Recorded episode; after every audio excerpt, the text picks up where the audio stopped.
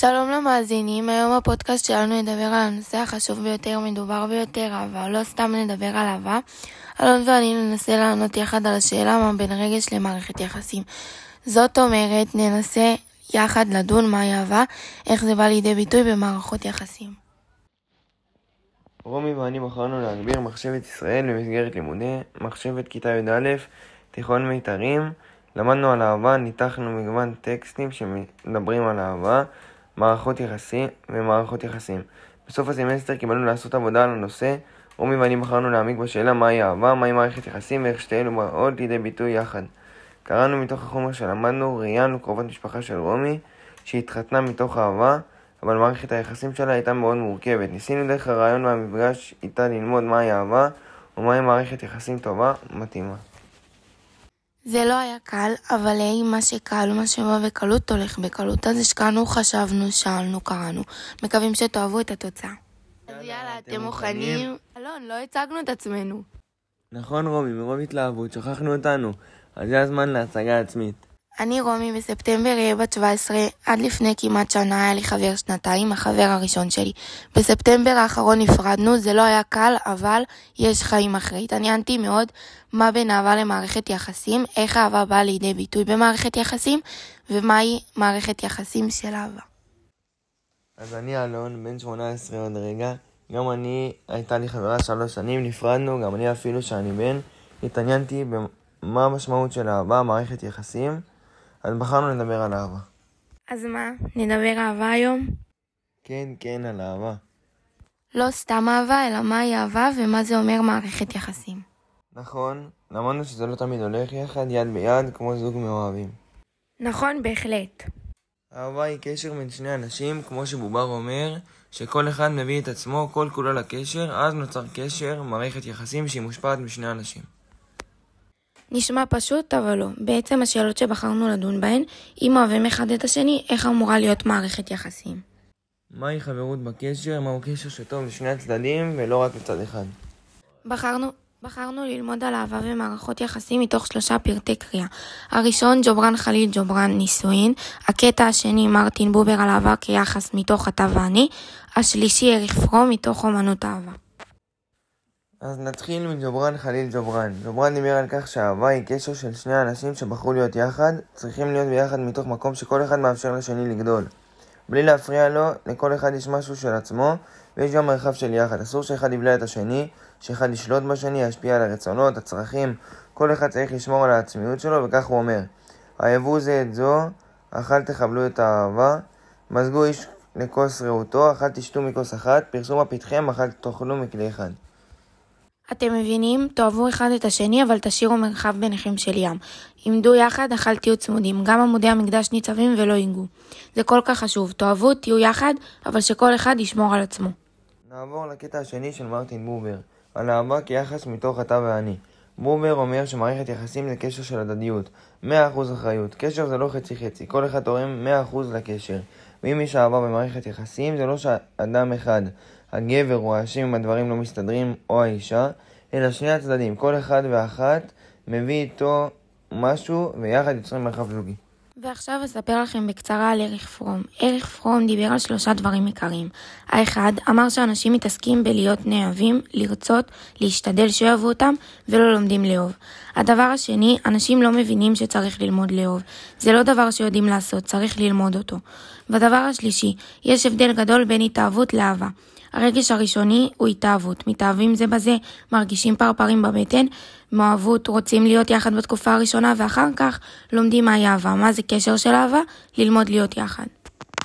בעצם את יודעת רומי, משלימים אחד את השני, כל אחד מסתכל מזווית אחרת, ויחד יוצרים את הסיפור על אהבה, מערכות יחסים. בעצם בהתחלה מתאהבים, יש רצון גדול להיות יחד כל הזמן, כאילו עיוורים, רואים רק את הטוב, רוצים כל הזמן אחד את השני. בתקופה הזו זה מסוכן לא להיבלע אחד בשני.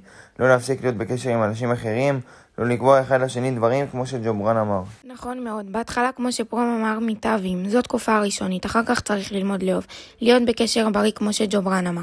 לתת אחד לשני להתפתח, לגדול, להיות יחד. וכל אחד מביא איתו את העולם שלו. כמו שבובר אמר, יחד יוצרים דבר חדש.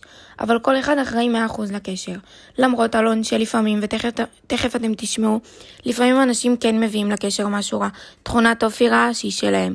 אלימות, שתלטנות. הצד השני לא אשם, אלא רק צד אחד. אז בזה בובר לא כל כך צדק. נכון רומי, גם אני לא כל כך הסכמתי איתו, כי כמו שראינו מביאים משהו רע, זה לא אחריות הצד השני. אבל אולי הוא התכוון שבאחריות הצד השני לעצור את זה, ללכת ממערכת יחסים כזו. לא תמיד אפשר, לא תמיד אתה נמצא במקום לא טוב וקל לך ללכת. זה לא קל כי אוהבים את האדם השני.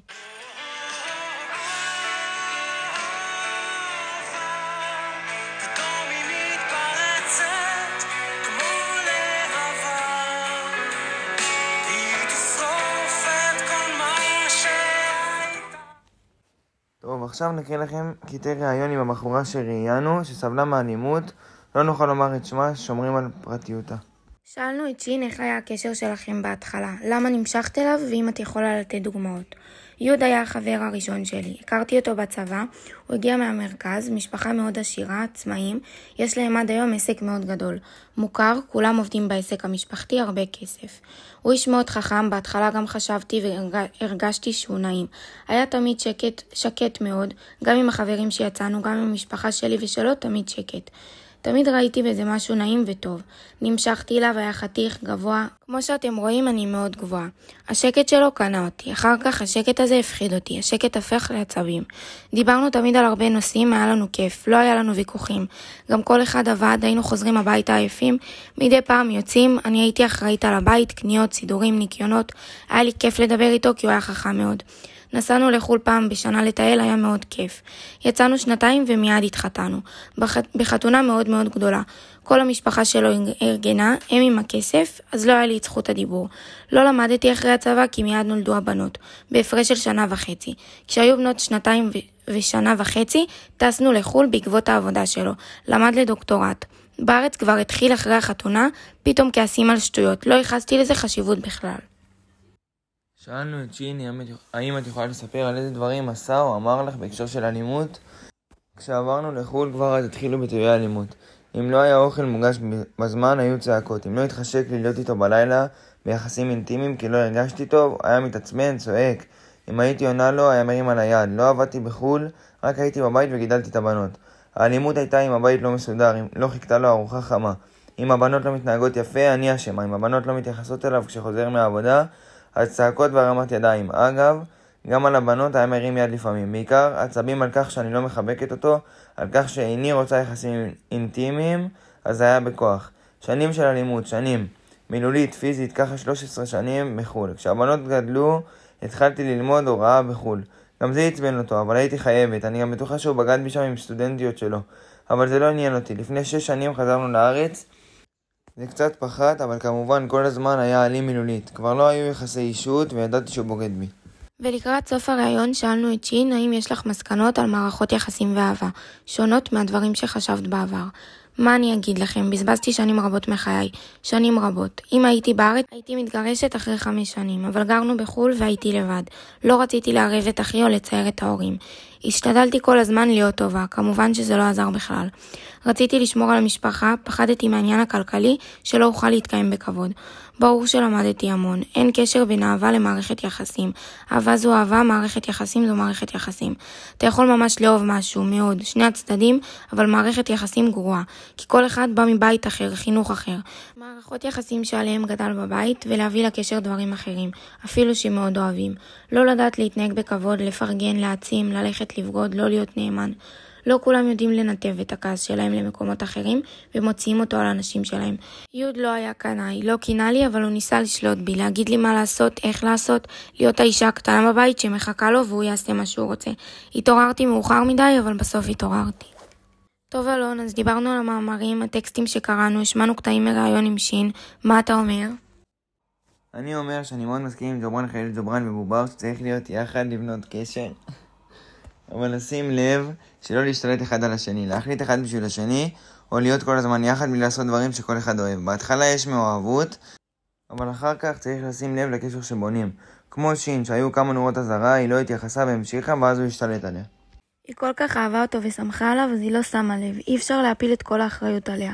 הוא בא אלים לקשר, שתלטן חושב שמגיע לו הכל, שהיא צריכה לעבוד אצלו, לעשות לו דברים. נכון ויפה בתיאוריה, אבל במעשה זה קשה. אני לא מסכימה איתך שהיא הייתה צריכה להקשיב לנורות אזהרה. כמו שבובר אמר, כשמאוהבים, לא רואים, קצת עיוורים, ואחר כך היה לה מאוד קשה. אבל בהחלט אני מסכימה עם ג'ובראן חליל ג'ובראן. לאהוב אחד את השני, אבל לשמור כל אחד על המרחב שלו. בדיוק כמו שבובר אמר, כל אחד מביא את עצמו, יוצרים משהו חדש. בעצם יש כאילו שלוש אנשים, כל אחד מבני הזוג, ועוד משהו שהוא השניים. אגב, אלון, זה יכול להיות גם גבר וגבר, גם אישה ואישה, ולא רק גבר ואישה. וואלה, נכון, תמיד אנחנו חושבים רק על גבר ואישה, אבל בהחלט זה לכולם כל מערכות היחסים. אז אלון, מה למדנו? מה למדנו? שאהבה זה לא עניין פשוט, שאי אפשר לקבוע מראש איך זה יהיה, כי כשמאוהבים נהיים עיוורים, וחרשים, ובעיקר לא חושבים, הכל מאוד רגשי. אבל זה ככה, זה כיף בהתחלה. נכון, אבל צריך לשים לב ללב. תשימו לב, כמו שפרום אומר שאתם מתאהבים, אתם יודעים לאהוב. לאהוב דברים אצל בן בת הזוג ואתם לא עסוקים בלהיות נאהבים, כי אז תאבדו את עצמכם. בדיוק, שימו לב גם לנורות אזהרה, קינה, רכושניות, שתלטנות. אל תיתנו לאף אחד להשתלט עליכם. אתם אחראים לעצמכם, איש לא על הגוף שלכם, או על הנפש והלב שלכם. זוגיות צריכה להיות חברות, הקשבה, פרגון, לעשות דברים יחד וגם לחוד. בלי קינה ורכושנות. קל לומר, לא קל לעשות את זה. נכון, זה לא קל, אבל צריך ללמוד איך לאהוב, כמו שפרום אומר. אנחנו לא נדבר הרבה, נסכם לכם את הדברים המרכזיים. תמיד תהיו אתם מי אתם רוצים, מה אוהבים, תהיו מדויקים עם עצמכם. תנהגו בכבוד לחבר וחברה שלכם, אל תכפו את עצמכם, תמצאו דברים לעשות יחד, תהיו חברים בטוב וברע. זכרו שאוהבים זה לא מספיק, צריך ללמוד להיות יחד, זו דרך. קודם תאהבו את עצמכם, אחר כך תתאהבו, וזכרו אהבה היא דרך, צריך ללמוד לאהוב.